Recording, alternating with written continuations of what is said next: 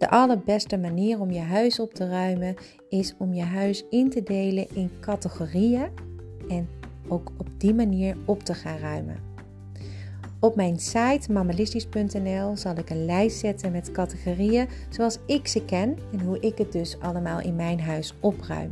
Die lijst kan je heel gemakkelijk overnemen, maar wat je ook zou kunnen doen is natuurlijk zelf een categorieënlijst maken. En dat is ook de opdracht die ik voor je heb vandaag.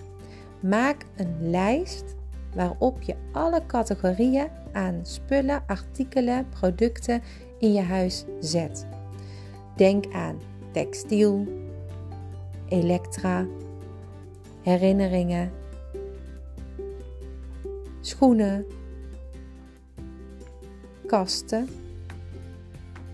opbergmateriaal, papier, knutselspullen, speelgoed. Je kunt het zo gek maken als je zelf wilt. Speelgoed kun je natuurlijk weer indelen in andere categorieën. Bijvoorbeeld speelgoed om echt mee te spelen, zoals kleine poppetjes, grote poppetjes, knuffels, maar ook spullen waar je van kan leren, zoals tekenspullen, schrijfspullen, puzzels. Deel het in zoals jij het wil en maak categorieën zoals jij dat fijn vindt.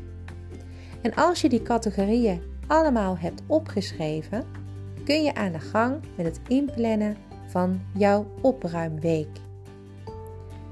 Kijk per categorie hoeveel het omvat.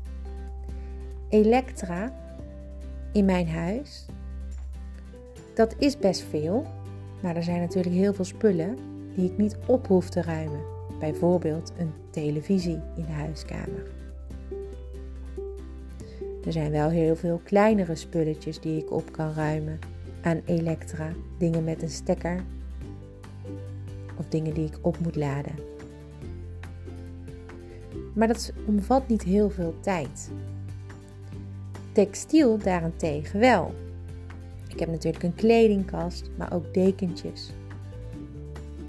Ik heb beddengoed, kussentjes, jassen.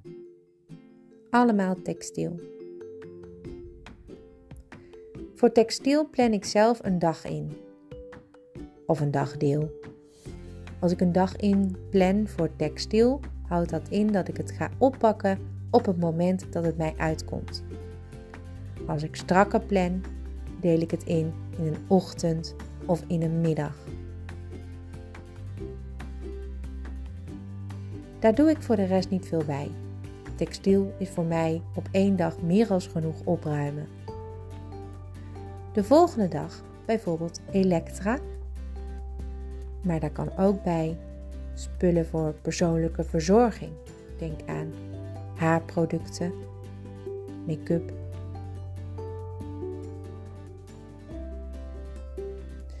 Als je kijkt naar de spullen in je keuken, dan heb je daar heel veel. Als je het gaat hebben over categorieën in je keuken, kom je al wat kleiner uit. Zo heb je bakspullen,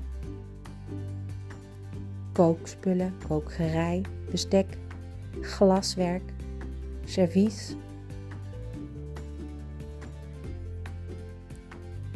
Je kunt al die categorieën op één dag opruimen.